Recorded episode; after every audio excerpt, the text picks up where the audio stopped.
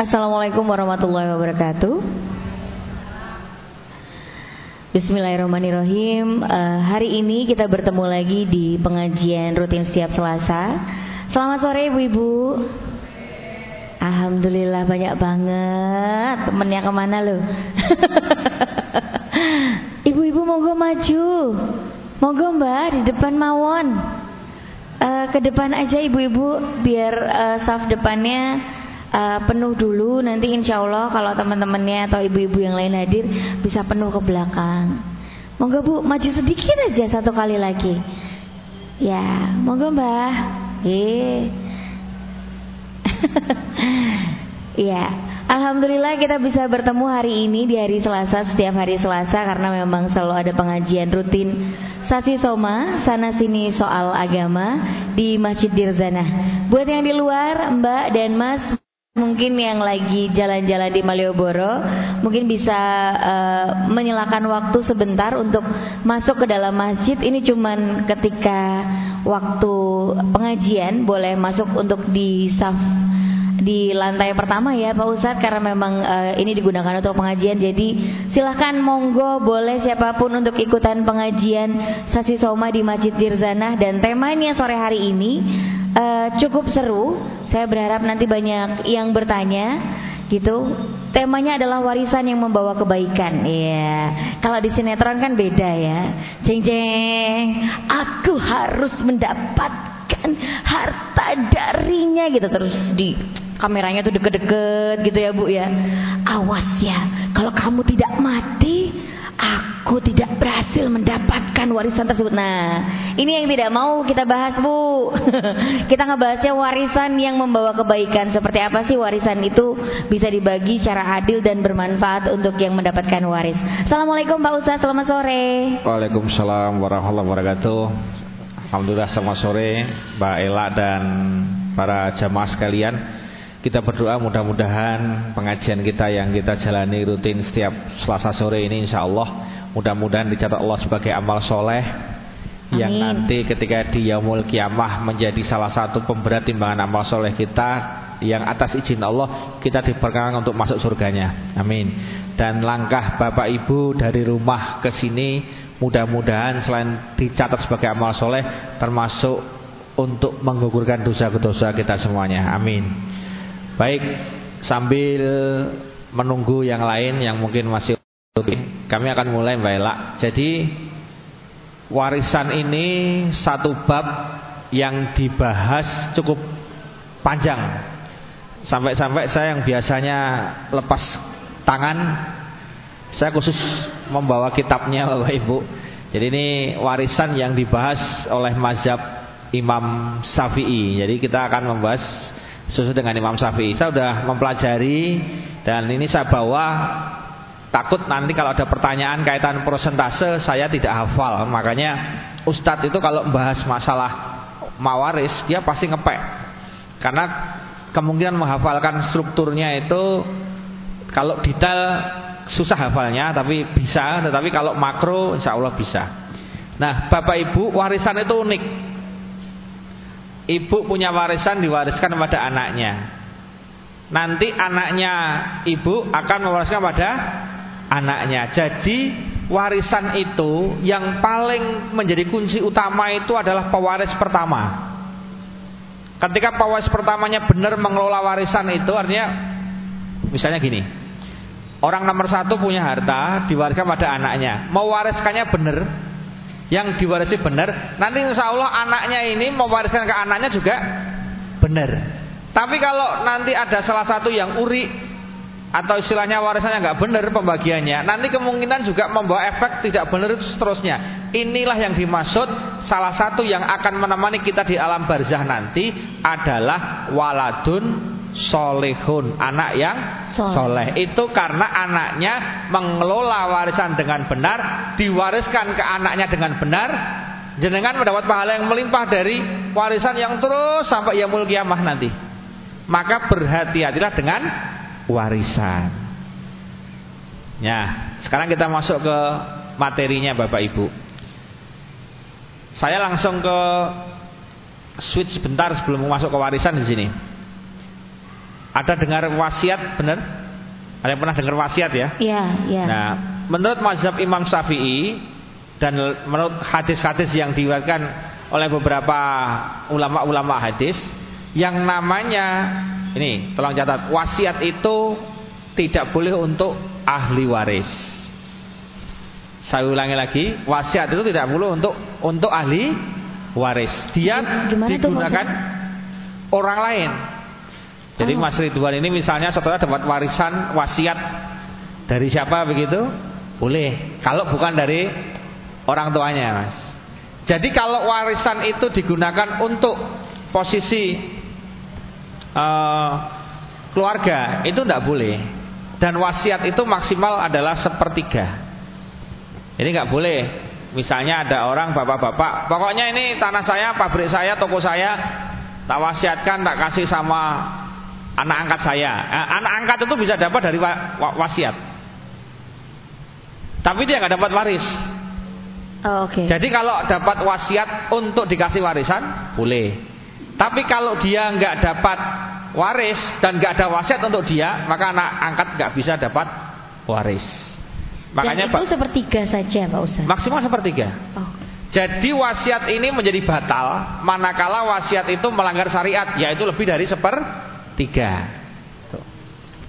Atau hartanya tinggal sedikit dipaksakan untuk diwasiatkan pada orang lain tapi anak-anaknya yang itu nggak nerima nggak bisa. Nah, rumus warisan Bapak Ibu, ini itu wasiat ya. Nah, rumus warisan itu sederhana sebetulnya. Jadi yang wajib dapat. Ya, kita ngomong yang wajib dapat dulu. Yang wajib dapat itu yang nempel. Kalau suami berarti istri. Kalau istri berarti suami. Jelas ya? Suami istri ini wajib dapat. Terus yang wajib dapat lagi adalah ini yang langsung nempel ke kita, suami atau istri. Kemudian turun ke bawah. Yang wajib dapat itu adalah anak-anak dari yang meninggal. Jadi anak. Kalau sudah turun terus ke atas, Berarti bapak dan ibunya dari yang meninggal. Oke? Okay? Kalau udah naik ke atas, berarti kanan kiri. Saudaranya laki-laki dari bapaknya yang meninggal bapaknya misalnya atau saudara laki-laki dari istrinya yang meninggal. Jadi laki-lakinya dulu saudaranya laki-laki. Kalau sudah saudara laki-laki baru saudara perempuan, baik dari bapaknya atau dari ibunya. Kalau ke kanan ke kiri sudah ya, ke kanan ke kiri sudah, itu baru naik ke atas simbahnya. Kalau misalnya simbahnya masih ada dan hartanya masih ada. Kalau masih ada lagi gimana? Dia turun ke bawah ke cu cucunya. Cucu pertama cucu pria dulu. Jadi mohon maaf Bapak Ibu, memang yang dapat dulu itu yang pria. Jadi mohon maaf ya, ini bukan apa-apa tapi itulah aturannya Allah. Jadi yang anak pria itu didahulukan. Tapi ada yang menarik Bapak Ibu dalam kasus warisan, nanti ada namanya asobah. Asobah itu adalah dia posisinya eh, anak tunggal laki-laki, Mas Tuan ya. Anak tunggal laki-laki. Jadi misalnya ada anak tunggal laki-laki itu asobah. Asobah itu berarti apa? Dia menghabiskan seluruh harta warisan, yang lain nggak dapat. Tapi kalau anak tunggalnya itu perempuan, dia nggak bisa jadi asobah. Contoh, ada anak perempuan tunggal, orang tuanya meninggal dunia, itu nggak boleh untuk anak perempuannya semua nggak bisa dihabiskan, nggak bisa. Ini dibagi sama yang lain karena dia nggak bisa menjadi asobah. Asobah itu artinya menghabiskan. Nah, anak tunggal pria itu ngawawu memang, nek duwe warisan itu ya, gitu. Nah, itu ya Bapak Ibu. Ini ini prinsip dasarnya dulu. Jadi ke kanan kiri, ke bawah, ke atas, kanan kiri lagi, ke atasnya lagi ke bawah. Itu, itu rumus yang dapat. Tapi ingat Bapak Ibu, kalau dibagi di level anak, suami istri sudah habis, maka otomatis yang atas nggak bisa dapat. Yang bawah nggak bisa dapat. Yang saudaranya yang ditinggal meninggal itu nggak bisa dapat. Jadi hukumnya itu adalah bisa dibikin panjang, bisa dibikin pendek termasuk jumlah ter, tergantung jumlah hartanya. Nah, Islam tidak mengajarkan pembagian bagi to, bagi roto. Karena dalam Islam itu biasanya Yang jadi masalah itu kalau nanti ketika posisi sudah dibagi uh, belum dibagi uh, mendekati pembagian itu orang-orang pengennya dapatnya bagi tok bagi roto itu jangan bagi dulu dengan hukum Islam jika nanti setelah hukum dengan hukum Islam ternyata sudah dibagi terus misalnya Mas Ridwan ini anak pertama Mas Dayadi anak kedua sama-sama laki-laki Ella anak ketiga kemudian Bu siapa anak keempat nah misalnya begini udah dibagi nih. Anak satu dua dapat bagiannya nih. Anak tiga empat dapat bagiannya. Dibagi secara Islam. Terus setelah dibagi, ternyata si Ella ini misalnya Alhamdulillah atas usahanya ridho dari Allah dengan suaminya yang luar biasa punya aset omset yang sangat luar biasa bosok kasari sugih dan warisan itu tidak seberapa sebetulnya maka kemudian Ella setelah dibagi dengan kesepakatan dengan suaminya mengikhlaskan ditambahkan ke Mas Dayadi misalnya. Yang Mas Dayadi ternyata sampai usianya yang sudah menikah belum punya rumah. Wes Mas, iki bagianku gunen tak berikan panjenengan silakan digunakan untuk tambah mungkin renovasi rumah, bangun rumah itu halal. Dan ini surga.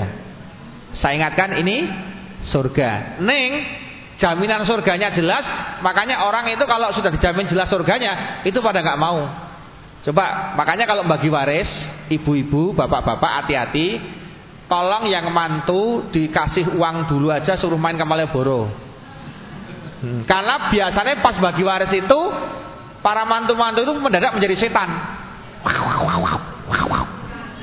Dora iso mas, kowe anak pertama, kudune sing omah iki lemah iki. Nah, pembagi makanya yang ideal dibagi sebelum bapak ibu sedo.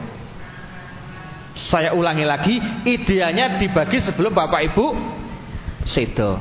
Makanya tulisannya hadis, jika telah datang padamu tanda-tanda kematian, maka segeralah engkau membagi.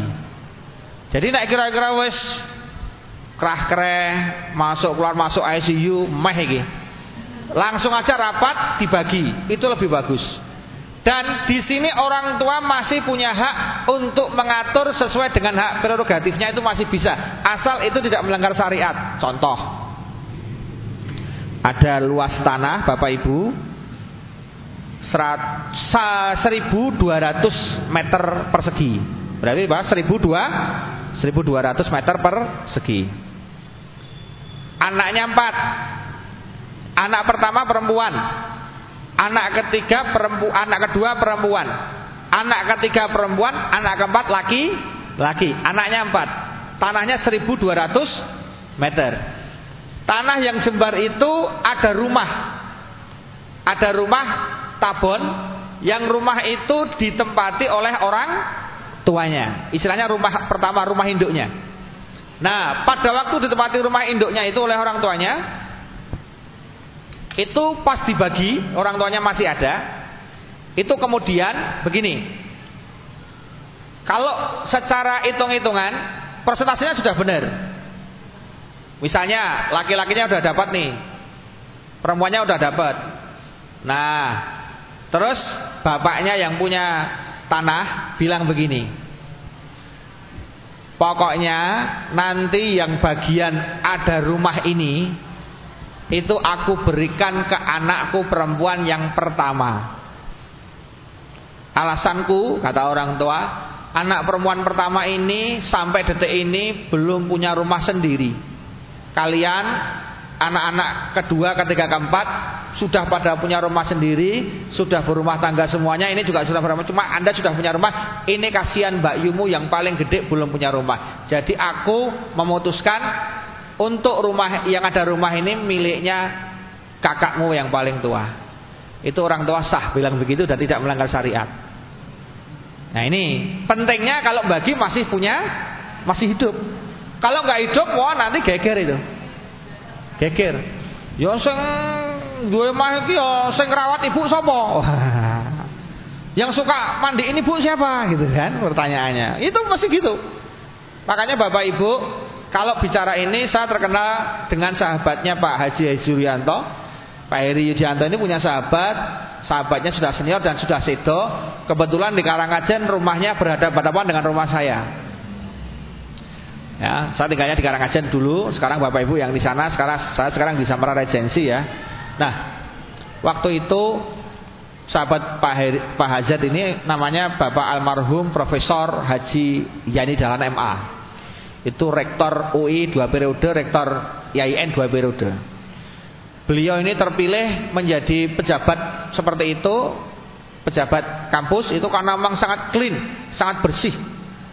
Nah, ketika asetnya banyak sekali, Bapak, asetnya nggak banyak. Depan rumah saya itu besar sekali, itu berapa ribu meter persegi. Ketika beliau masih hidup, mengumpulkan anak-anaknya semua. Anak-anaknya itu jangan kaget, udah kaya-kaya Bapak Ibu. Salah satu anaknya perempuan nomor satu namanya Profesor Doktor Dokter Haji Ova Emilia SPUG MRS Bu Burina apa mana? Tahu banget. Itu yang beliau kan sekarang menjadi dekan Fakultas ke Kedokteran Umum UGM, FKU UGM dan menjabat salah satu petinggi ownernya di Rumah Sakit Epilen. Terus ada lagi adiknya ada Mas Heri, kemudian ada satu lagi, itu, jadi tiga anaknya diundang semua. Apa kata Prof? Ya ini dalam waktu masih sugeng. Aku harus bagi waris. Sopo sengin pengen warisan saka aku ngacung, tak bagi saiki. Keren kan? Tahu nggak jawabannya anak-anaknya? Alhamdulillah Bapak, saya alhamdulillah oleh Allah berikan banyak rezeki. Saya bismillah ikhlas tidak menerima. Saya juga Pak, saya juga kabeh anak era nompo. Tenan? Deal? Deal? Oke. Okay? Kalau nggak nerima mau tak wakafkan. Segede ini mau tak wakafkan, akhirnya mau diwakafkan, informasinya nanti sama Mbak Ova ini mau dibikin diwakafkan Muhammadiyah ya, mau dibikin klinik bersalin gratis atau apa gitu saya lupa namanya. Pokoknya untuk kemaslahatan u umat. Karena umat jembar banget. Dan yang menarik bukan itu Pak. Ketika diputuskan begitu terus ngundang notaris, udah diikrarkan, istrinya ini menerima. Buya ini jalan yang sekarang alhamdulillah masih sugeng itu merangkul suaminya. Alhamdulillah Mas, dicium tangannya. Mudah-mudahan surga ya Mas, awake dhewe surga ya Mas. Endi ana bojo ngono kuwi? Coba nek bojone jenengan Bu. Di rumah Jalan Sisingamangaraja. Oh, kota Jogja, Bu. Wilayahnya Mergangsan. Jalan Sisingamangaraja, pinggir jalan, Mangku Dalan. Nah, itu begitu ada begitu, Dek arep ngeneke mesti komentare Oh, itu kan gue buka toko, buang, buang, buang. Makanya saya alhamdulillah senang sekali melihat Pak Heri Yudianto mau membuat masjid di tokonya yang kalau dihitung omset perharinya ini bisa masuk pemasukan untuk beliau berapa. Tapi beliau masjid itu yang luar biasa, itu yang keren. Ya makanya Bapak Ibu sudahlah kalau sama warisan rasa ngip, toh itu nanti akhirnya ya meng riskan juga, betul nggak? Jadi jenengan, makanya Bu, sebelum saya masuk ke persentase, saya pesan kalau ibu bapak dapat warisan, apalagi dapatnya berupa uang, fresh money, karena mungkin tanahnya dijual, mobil dijual, emasnya dijual, apa-apanya dijual, terus dibagi duit. Saya minta dengan hormat, uang itu kalau jumlahnya lumayan, maksud saya lumayan itu ya 100 juta di atas nominalnya atau 100 juta gitu. Itu mbok iya oh. Uang itu langsung sebagian dipaksakan untuk berangkat umroh ke tanah suci. Nanti begitu jenengan umroh, umroh pertama untuk jenengan, Umroh kedua dilakukan untuk almarhum yang sudah ninggali warisan. Keren. Makanya saya menyarankan agar warisan ini piye ya? cara menzakati warisan itu menurut saya adalah salah satunya dengan membawa uang hasil pembagian waris itu untuk berangkat ke Mekah Madinah umroh di salah satu umrohnya. Kan ada KBH biasanya satu kali berangkat dua sampai tiga kali umroh kan ada yang dua ada yang tiga. Naik satu sekarang udah jarang rata-rata dua minimal. Itu yang pertama untuk panjenengan yang kedua hadiahkan untuk yang sudah memberikan warisan itu itu keren Insya Allah itu menjadi semacam apa ya pengingat-ingat dan juga barokahnya sampai kepada ahli waris apa ke, kepada uh, almarhum almarhumah yang sudah di alam barzah. Dan orang tuanya senangnya luar biasa. Yang paling parah adalah manakala ada anak uang tuane cek sehat, wes jaluk dibagi. Nah, ini kurang ajar ini. Ini jelas anak durhaka. Bagi wae, Pak. Bagi wae mbok, padahal masih sehat seger buker itu haram hukumnya. Jangan dilakukan. Itu masalah. Yang lebih masalah lagi adalah ini contoh ya, Bapak Ibu, kita itu berasal dari tanah, kembali ke tanah. Maka hati-hati dengan masalah tanah. Satu inci saja itu masalah besar. Sudah saya ceritakan kan di sini waktu di awal-awal saya sesoma awal dulu ada apa namanya ada orang masuk ke tabloid hidayah. Kejadiannya di Yogyakarta di wilayah Kalasan Bapak Ibu. Itu real terjadi yang cerita langsung teman saya kantor. Beliau menghadiri acara pemakamannya seseorang ini betul-betul menangis. Satu kampung itu bukan terenyuh madek gitu kan keluarganya menangis semua. Ini orang ini jenazah ini si mayat ini laki-laki ya sudah usia ya dia. Itu ketika ditanam dimasukkan ke liang lahat keluar airnya pak. Tanahnya keluar airnya. Dan keluarnya itu tidak hanya keluar tok ngerembes, betul-betul mirip sumur. Jadi mau tidak mau nggak bisa untuk naruh jenazah. Gimana ini? Gimana ini? Pindah, dipindahkan ke lokasi yang kira-kira jaraknya agak jauh. Pindah coba pojok sana, dibongkar lagi pak, bedah bumi, keluar airnya. Akhirnya rapat keluarga dengan Pak Lurah, uh, dengan Bu Dukuh, Pak Dukuh saya lupa. Intinya sama itu yang tugas ngurusin jenazah. Ini terakhir. Kalau sampai yang ketiga di bedah bumi lagi tetap keluar airnya, tetap kita kuburkan dalam posisi dikasih pemberat batu, ditaleni. Begitu yang ketiga, Bapak Ibu, ternyata tetap keluar airnya. Alhamdulillah min dalik, akhirnya dikasih pemberat untuk bisa turun ke bawah. Apa dosanya Bapak Ibu? Ternyata orang satu ini ketika semasa hidup spesialis mindah kali, mindah sungai. Jadi sungai itu misalnya lurus begini pak, itu sama dia nanti dibelokkan. Nah belokannya ini dikasih tanah sama dia nanti untuk gawe kandang pite gitu. Jadi dia tuh suka belok-belok kan? Itu. Makanya yang punya punya lemah di, di kengser itu hati-hati. Tanya dulu itu haknya siapa, jangan sampai jenengan bertempat tinggal di bukan haknya, itu bahaya. Ini hasilnya. Makanya hati-hati. Maka rumus warisan ini mendasar lebih baik diurii daripada ngurii, lebih baik diapusi daripada ngapusi. Itu rumusnya. Karena apa? Yang diurii nanti Allah akan berikan ganti, yang diapusi Allah akan berikan ganti, yang ngapusi akan masalah yang terjadi pada teman saya sendiri yang sangat dekat dengan saya nih orang sering antar saya pengajian. Dia kakak beradik. Kakak beradik ini singkat cerita uh, ada rumah di kota rumahnya itu sebenarnya nggak besar cuma lumayanlah luas tapi di, di, di dalam masuk di dalam kampung di kota Yogyakarta. Sertifikatnya ada. Nah waktu itu uh, pesen. Jadi simbahnya dia bukan dia. Jadi ini milik simbahnya dia cerita. Simbahnya ini kan punya anak. Nah, pesan sama anaknya waktu itu. Le, pokok men lemah iki ojo nganti tok dol.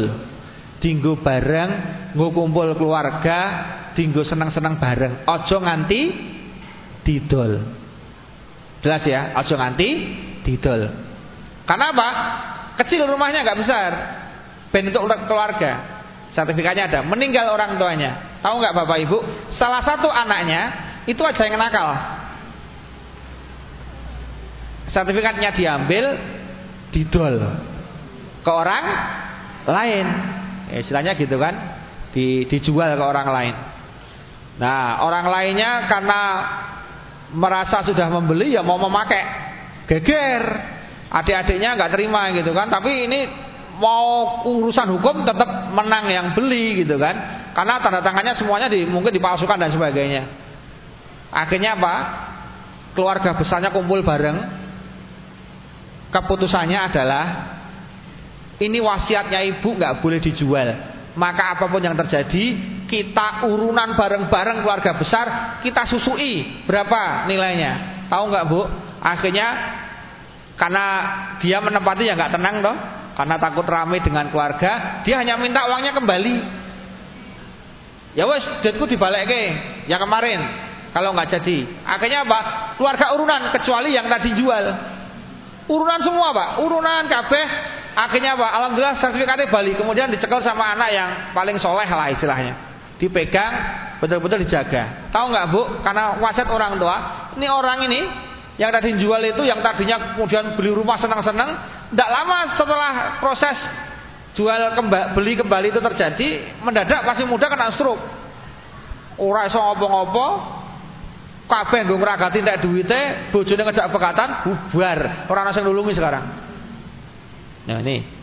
Makanya hati-hati dengan wasiat dari orang tua meskipun wasiatnya itu hanya sepele gitu kan, tapi itu sangat dijaga. Oke, begitu Bapak Ibu ini pengantar saya ingin banyak ke diskusi dan dialog. Karena kalau hitung-hitungan nanti saya bukakan kitabnya ya, mana yang dapat sepertiga, mana yang dapat seperempat, mana yang dapat setengah, itu kan ada semuanya di sini.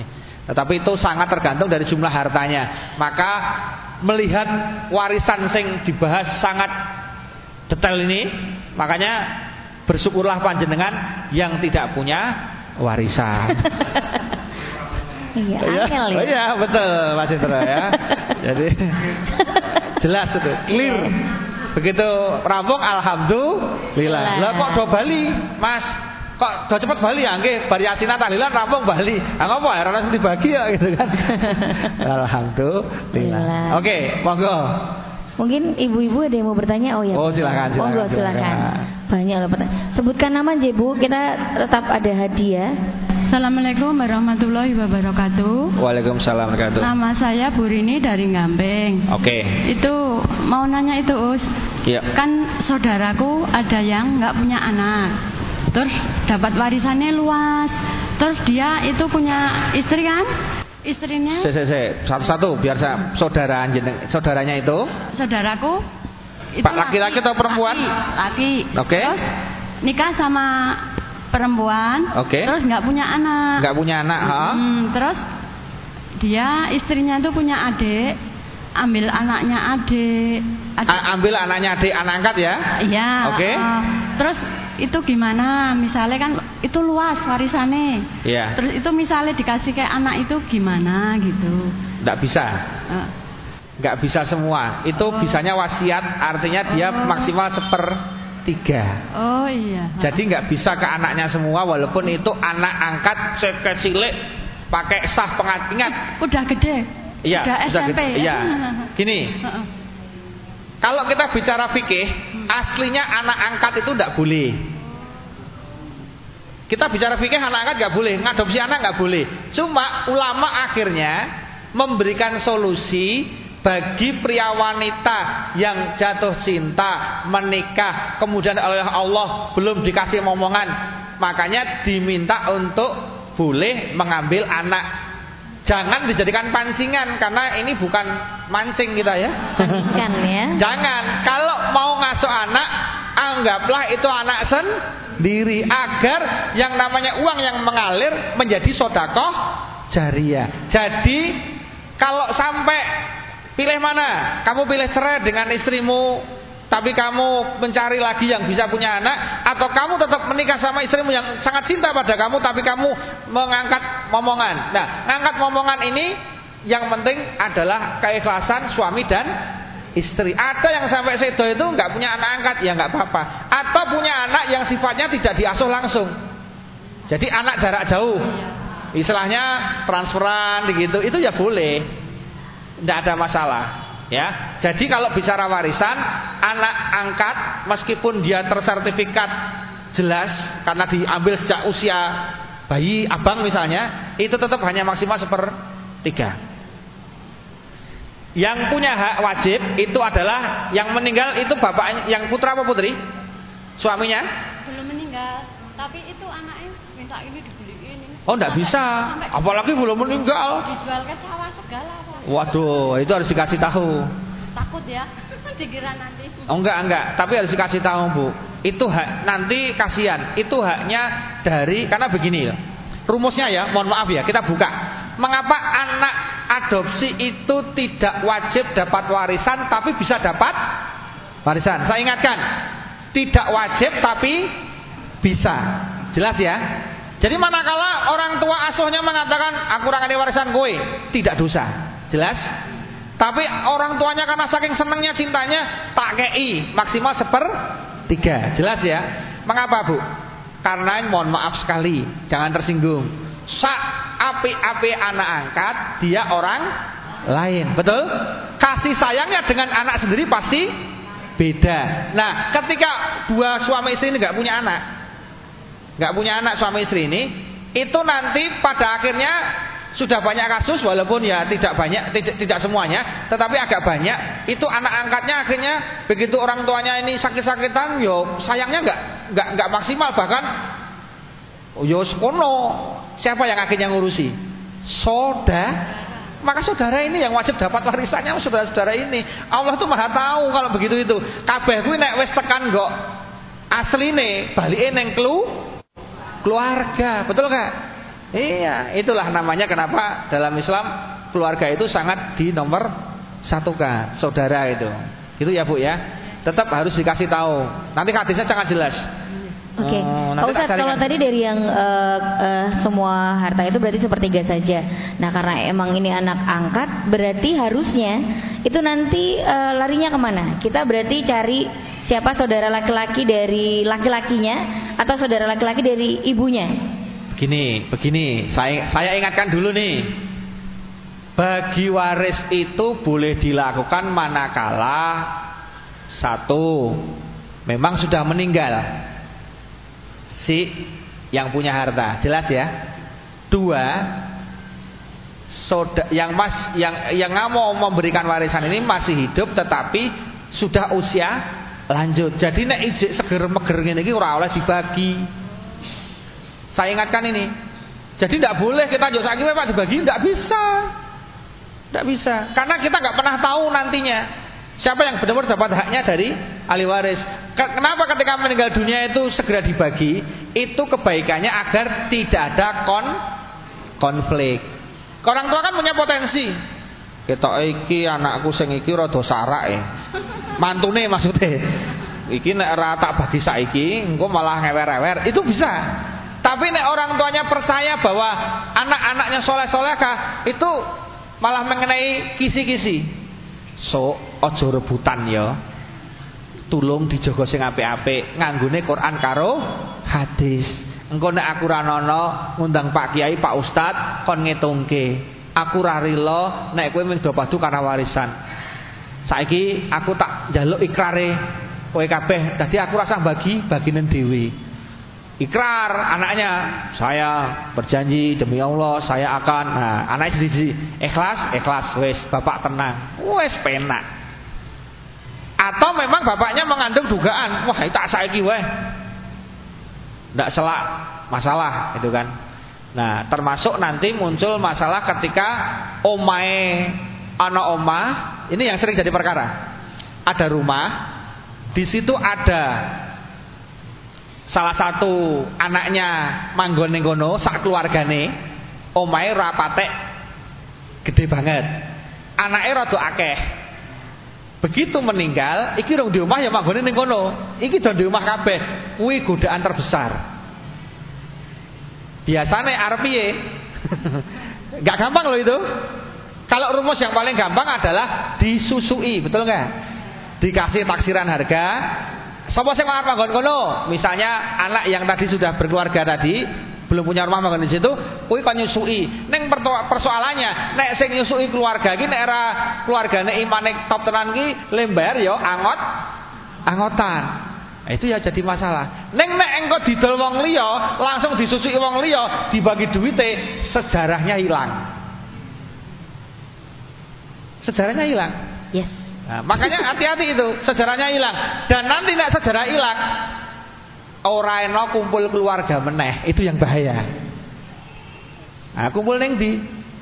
Nah, ada solusi salah satunya kalau rumahnya agak besar atau rumahnya kecil tapi kamarnya maksimal. Misalnya anaknya empat, kamarnya empat. Ya wis, saiki iki rasah didol ning dong gede iki kamarnya dewi-dewi. Jadi kamarnya ini kamarnya Mas Indro, kamarnya Mas Ridwan, kamarnya Mas Dayadi, kamarnya kamarnya Ela. Jadi nek bodoh kumpul ning kono, le turu ning kamare dhewe dhewe. Ya sak anake ning kono dadi api-apian kamar gitu. Jadi gue kumpul bareng. Itu juga bisa. Itu sebagai solusi salah satunya. Tapi ingat, begitu orang tua sedo, tidak boleh lama harus segera bagi waris. Kalau tidak, orang tua yang ada di alam barzah itu nanti menanggung beban dosa berat. Makanya kenapa Bapak Ibu ojo ngece. Begitu ada orang meninggal, kok ora bali-bali, kok rombongannya tekan wengi. Itu bener. Nek iso seminggu langsung rampung dibagi notaris. Langsung turun waris atas namanya berubah. Jadi jangan biarkan tanah itu atas nama orang yang sudah meninggal dunia. Kasihan itu yang sudah sedo. Asli. Tolong segera ganti nama. Harus segera ganti nama gitu. Makanya jangan kan yang penyakitnya kita kan gini. Begitu meninggal bapak ibunya, dia kapan dibagi mas? So, kapan-kapan, nek butuh kapan-kapan bahaya itu. Memuncul aneh-aneh, muncul engkau nawa itu rencana yang aneh-aneh dan orang tua semakin be beban di alam barzahnya semakin berat. Makanya nek iso langsung dibagi dulu. Ya, raketak nanti le engko ngenteni iki ngenteni apa?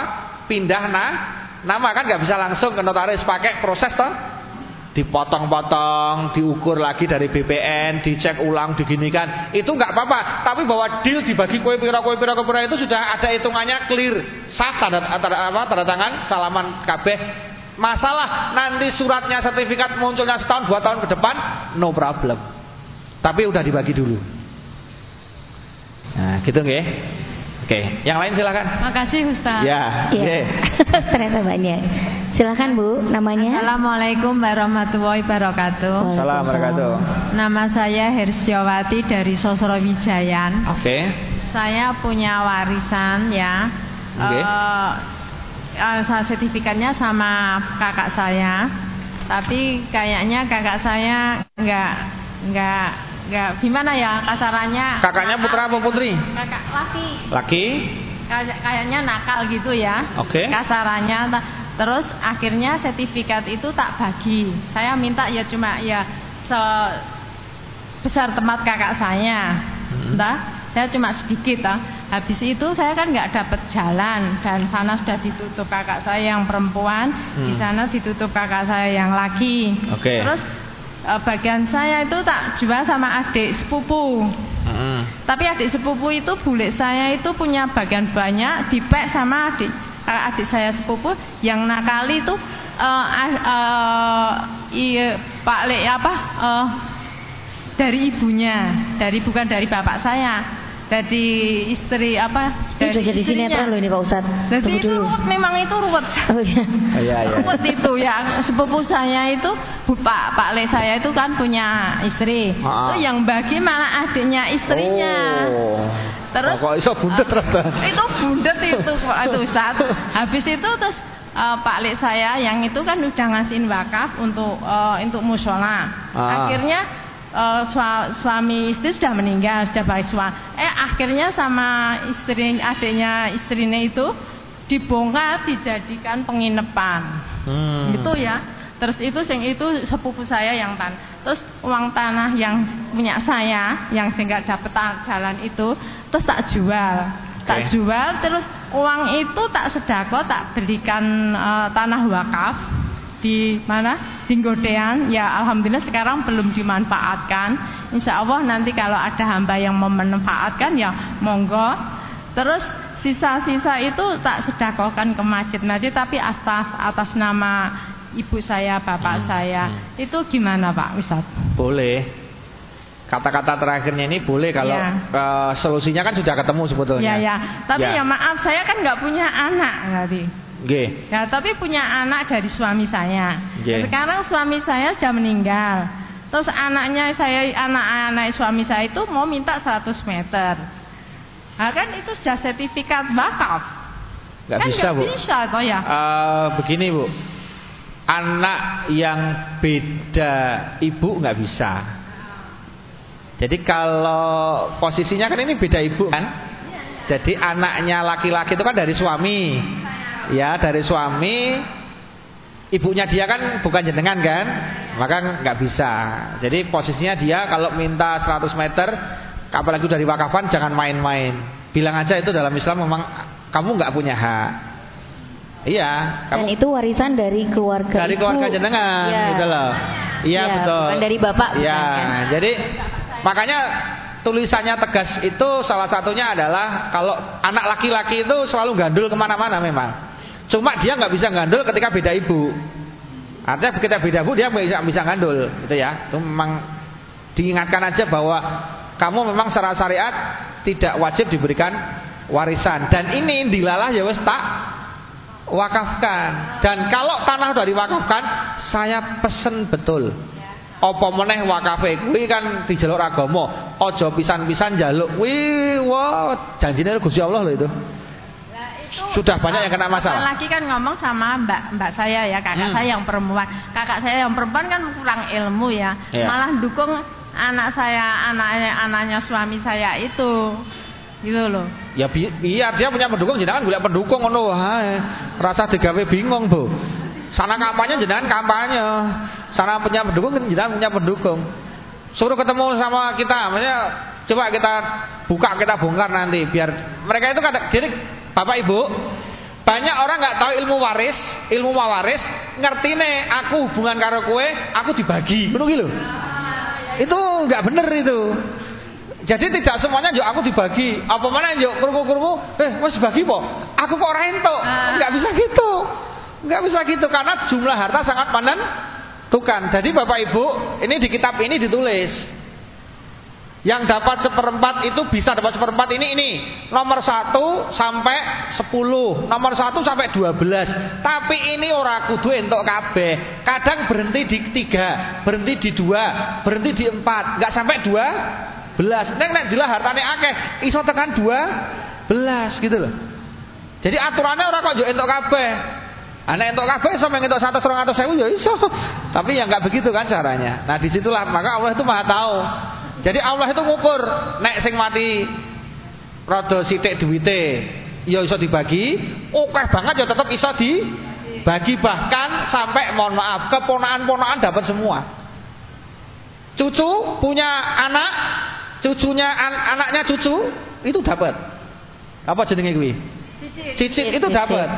Makanya jangan heran anak cilik-cilik entuk itu iya, karena ya mungkin dheweke kekayaannya Ya wes. Itu bersin keluar duit mungkin ya, Ya mungkin gitu.